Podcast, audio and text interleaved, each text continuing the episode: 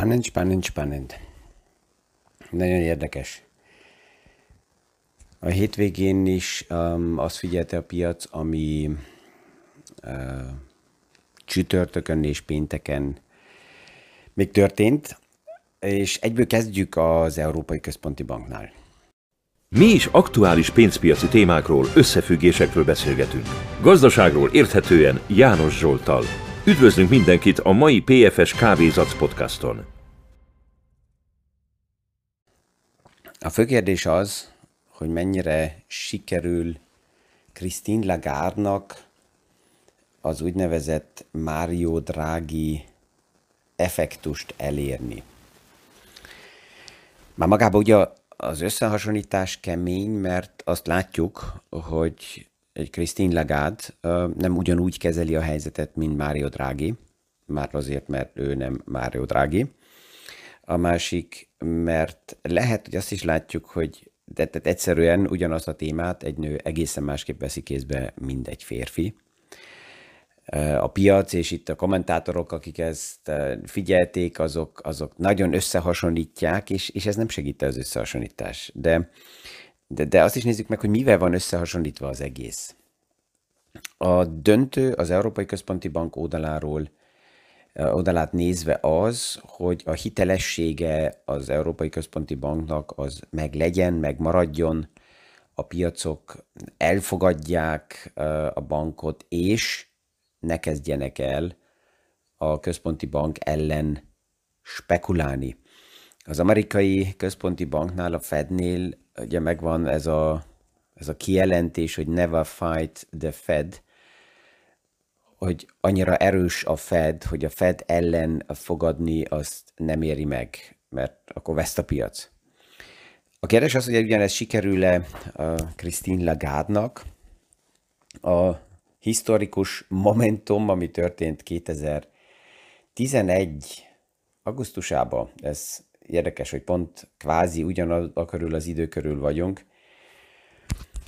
Nyári központi bank konferenciák, akkor volt az euró bizalmi eh, kérdésnek az 1.0 verziója, mikor az a historikus um, sajtókonferencia volt, és hozzá kell azt is mondani, hogy az, hogy ez egy historikus sajtókonferencia, azt akkor nem is teljesen éreztük így, értettük. Én emlékszem, hogy valamikor így, így lassan egy picit kiszivárgott, hogy volt egy sajtókonferencia, és ugye a Drági valamit mondott, ugye akkor kezdett el az Európai Központi Banki sajtókonferencia formájába kommunikálni a piacokkal, amit egy, egy picit tanul a Fed-től, amit a Fed ugye egy hosszabb ideje már csinál, és Mária Dráginak, mikor volt ez a sajtókonferenciája, akkor úgy szinte egy mellékmondatba megszakította a témát, és azt mondta, hogy amit még, amit még csak úgy szeretnék önöknek jelezni, és egy hosszú szünet, hogy a, az Európai Központi Banknak a mandátumán belül tehát a lehetőségeiken belül mi meg fogunk mindent tenni, hogy az eurót támogassuk.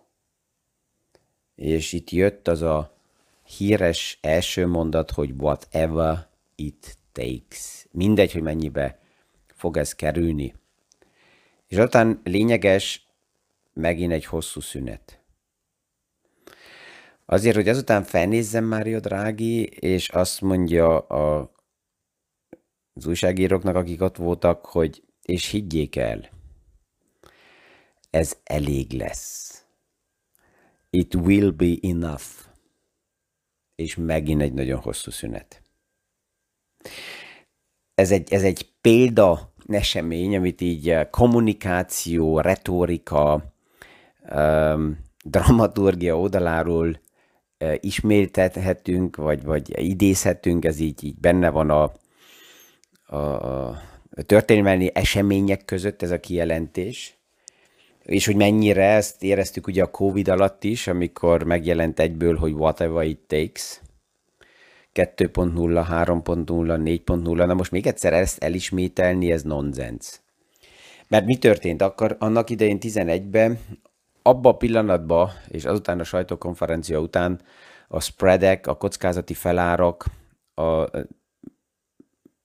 big piacokból, tehát Portugália, Olaszország, Görögország, ezekről a kötvényekről leszálltak a spekulások, csökkentek, és nem volt érdekes ezek ellen spekulálni, mert kimondta Mário Draghi, whatever it takes. Aztán majd két évvel későbben, 2013-ban a piac újra emlékezett, hogy momentum már itt valamikor valamit mondott ez a drági, és azóta mit is csinált. És akkor kvázi emlékeztették a központi lakot arra, hogy oké, okay, valamit mondtál, de akkor most már tenni is kell valamit, és 2013-tól kezdtek el azután az adóságok növekedni, mert az Európai Központi Bank elkezdte felvásárolni a kötvényeket. Itt most ugyanaz a kérdés, hogy azzal a TPI programmal, amit az Európai Központi Bank bejelentett,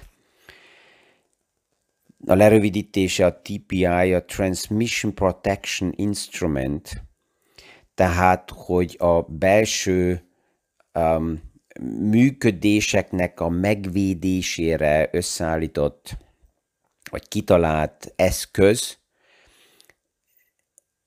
és, és ez, ez a hatás ennek hasonló, mint a régi Whatever It Takes, de másképp van ugye kommunikálva, és eh, Madame Lagarde, mikor az újságíró azt a kérdést feltette, hogy ez historikus, amit ő most itt eh, mond, akkor ezt így félre legyintette, és azt mondta, hogy na, ez az, amit kell tenni, mert közösen az Európai Központi Bank igazgatósági körébe eldöntöttünk, hogy igen.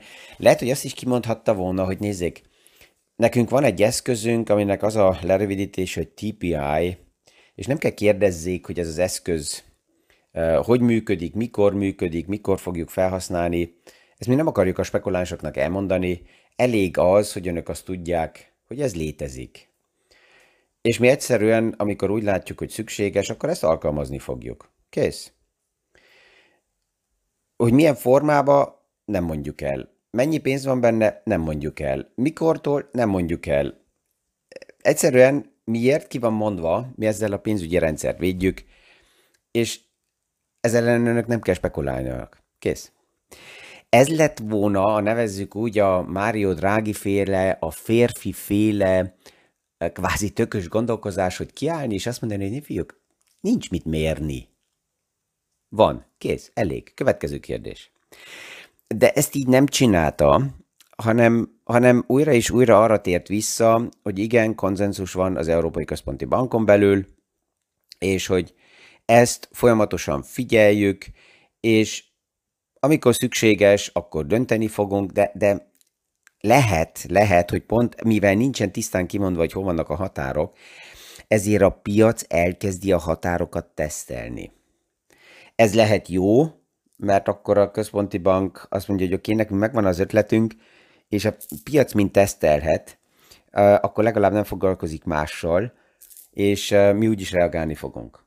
De lehet az is, hogy nincsen még valójában ötletük, hogy a TPI akkor hogy fog működni, és ahogy a piac teszteli a határokat, így akár gyengül is ez a, ez a konzenzus, ami, ami megvan.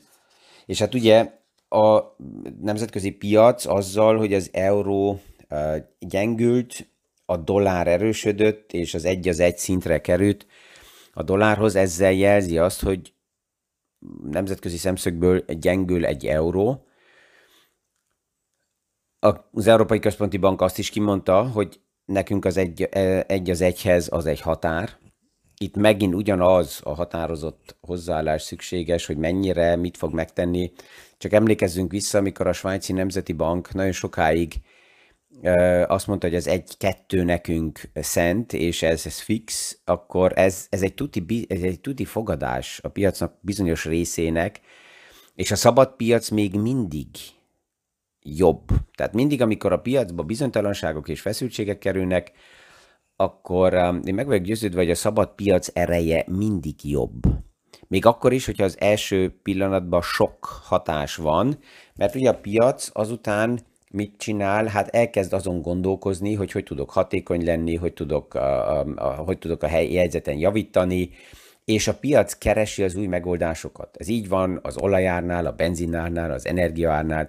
Tehát az, amit pillanatnyilag egy pár európai országba így követelnek, és a populista politika erre rá is megy, hogy korlátozni bizonyos dolgoknak a, a, az árát, mesterségesen, vagy belenyúlni állami oldalról, ez nem a szabad piac.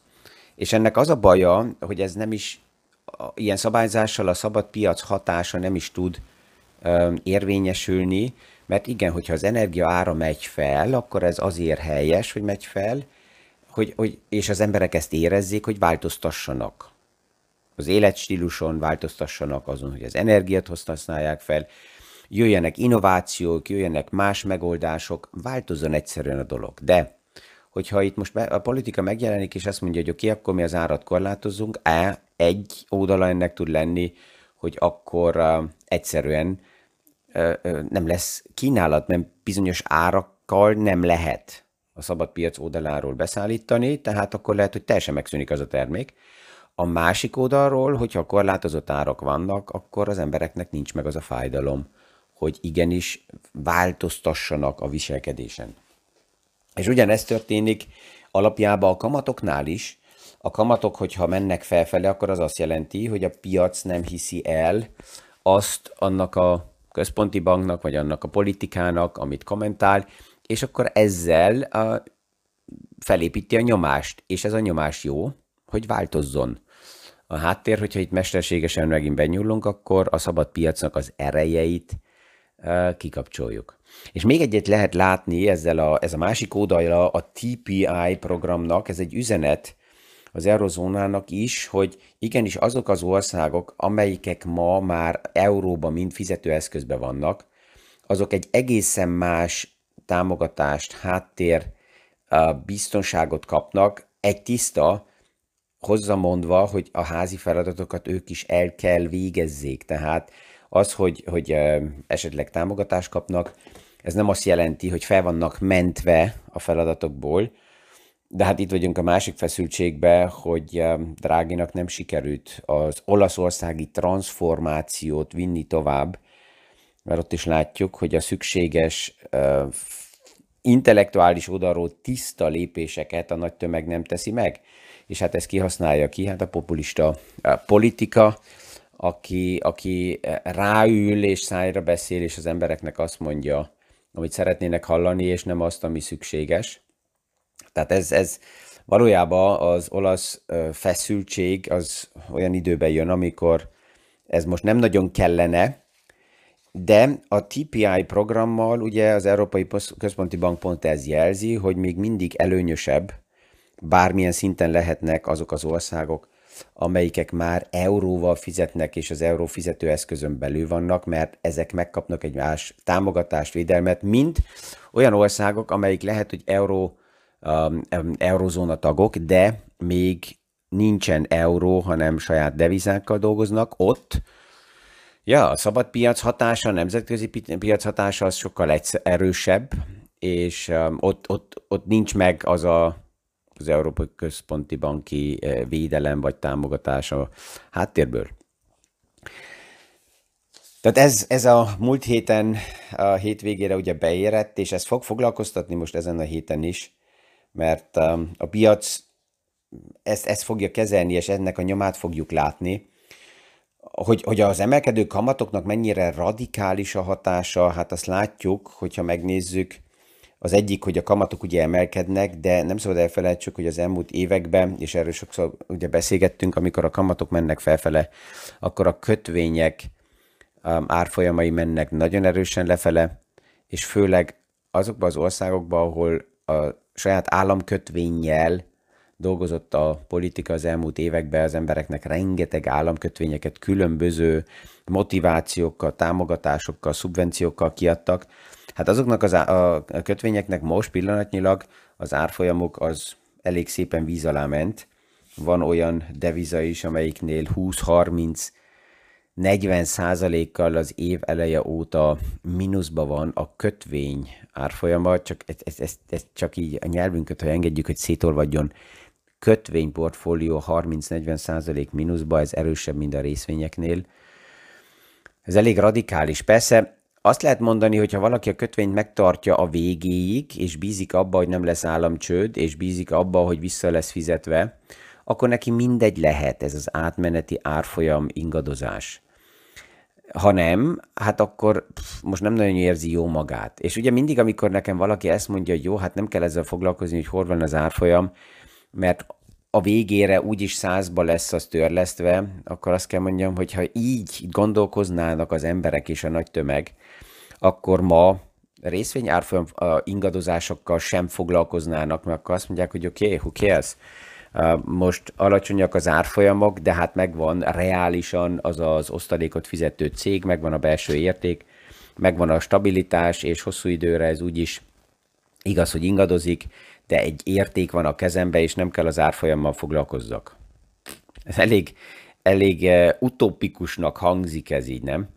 Mert persze, hogy az emberek nézik az árfolyamokat, és kötvényeket általában azért vásároltak, hogy ez stabilabb is legyen. A nagy, nagy színpadon pedig alapjában a, hét, a múlt héten a jelentések azok elég jók voltak. Azt lehetett látni, hogy a fogyasztó egyelőre nem változtat. Ami változott, és ez az, ezen a héten érdekes lesz, az inkább az IT szektort érinti, a social médiát, és a social médiába a reklámok hatását. Snap az egyik nem nagy, de tőzsdén bejegyzett cég, amelyik ugye online reklámokból él, annak a forgalma nagyon erősen visszaesett, és ezt egy jó ideje már látjuk, hogy az online reklám business modell az nagyon nyomás alá került, mert hát az emberek, a vállalatok, mindegy, hogy mennyire olcsó az online hirdetés, az legelőször, ha egy cégnek valamit a költségekkel csinálni, akkor ezt állítják meg. A másik, hogy az egész Twitter körüli vita a bizalmat az online hatékonyságban és az online reklámokban megingatta, nagyon sok vállalat elgondolkozik azon, hogy tényleg ez nekünk kell, és a click rate, tehát hogy hányan kattintanak rá egy reklámra, az mennyire érdekes, és mennyire reális, mennyire manipulált, mennyire fake accountok ezek a dolgok, tehát az egész business modell ott a bizalom oldaláról megingott, és ezen a héten, ugye technikai hét lesz, főleg a nagy big tech cégek fognak számokat jelenteni, és itt lesz a kérdés, hogy hallám, náluk a bizniszmodellekbe ez mennyire érkezik meg, és ők is stabil szintet tudnak tartani, vagy akár visszaesnek. Netflixnél a múlt héten lehetett látni, hogy stabilan tudta tartani, sokkal több ügyfél vesztésre gondolt, de, de ott is előre tekintve nem annyira nagy a dinamika, mint eddig. A piac ellenálló képessége megvan, amit látunk, az teljesen tiszta, hogy megyünk szét Európába. Az előállító iparnak az indexe, a PMI index az 50 alatt van, az amerikai pedig 50 fölött, JP Morgannek itt a, az elvárása az volt, hogy ez 53 fölött van, minden, ami 50 fölött van, az alapjában növekedést jelent, minden, ami alatta van, az ö, ö, ö, csökkenést jelent, és már a tíz éves államkötvények a dollár szinten azt mutatják, hogy a nagy dinamikája az inflációnak az vissza fog jönni, csak ha megnézzük, akkor minél több olyan jel jön, ami azt mutatja, hogy a, a piac nem menekül annyira a kötvényekbe, és a kötvényeknél ez az úgynevezett washout, vagy finális, végleges sell-off, ez úgy tűnik, hogy megtörtént, mert 2021. januára óta 100 kötvényekbe befektetett dollárból 80 már ki lett véve. Tehát nagy plusz likviditás nincs, a kamatok a 10 éves államkötvénynél visszajöttek 2,8 százalékra, 3,2-ről. Itt megint nem az abszolút számok a döntőek, hanem a százalékos változás, amit itt látunk és egyre gyakrabban fogjuk ezt hallani, hogy deflációt mutató tendenciák jelennek meg, így az év vége fele, ami a másik oldalról jó, mert ez leveszi az inflációról a nyomást, ez leveszi a központi bankokról a nyomást, hogy kamatot emelni kell, a héten 27-én ugye megint a FED fellépése lesz, ott be van pillanatnyilag nagy valószínűséggel árazva az 0,75, akár még több is, de már ez sem meglepetés, mert az, hogy akár már több is, ezt már többször hallottuk, és minden, amit már egy párszor itt mi megbeszélünk, abból indulhatunk ki, hogy ez a világnak már nem meglepetés. Ez itt vagy ott be van árazva, és a másik pedig, hogy a nyersanyagoknál látjuk a visszaeséseket, az alapnyersanyagoknál, a, az infrastruktúra a nyersanyagoknál, az olajnál, tehát itt már megvannak azok a deflációs jelek, a beszállítási láncoknál a lazulások, ami, ami változtatja tovább a képet, tehát nem unalmas, mert addig érünk el egy következő pontig, jön a következő változó forgatókönyv, és ezzel újra interpretálhatjuk, hogy a piac hogy néz ki. Ezzel mindenkinek ma is kellemes hetet kívánok, és viszonhallásra a hónap reggeli PFS Kávézat podcastig. Mi is aktuális pénzpiaci témákról, összefüggésekről beszélgetünk. Gazdaságról érthetően János Zsoltal. Üdvözlünk mindenkit a mai PFS Kávézac podcaston!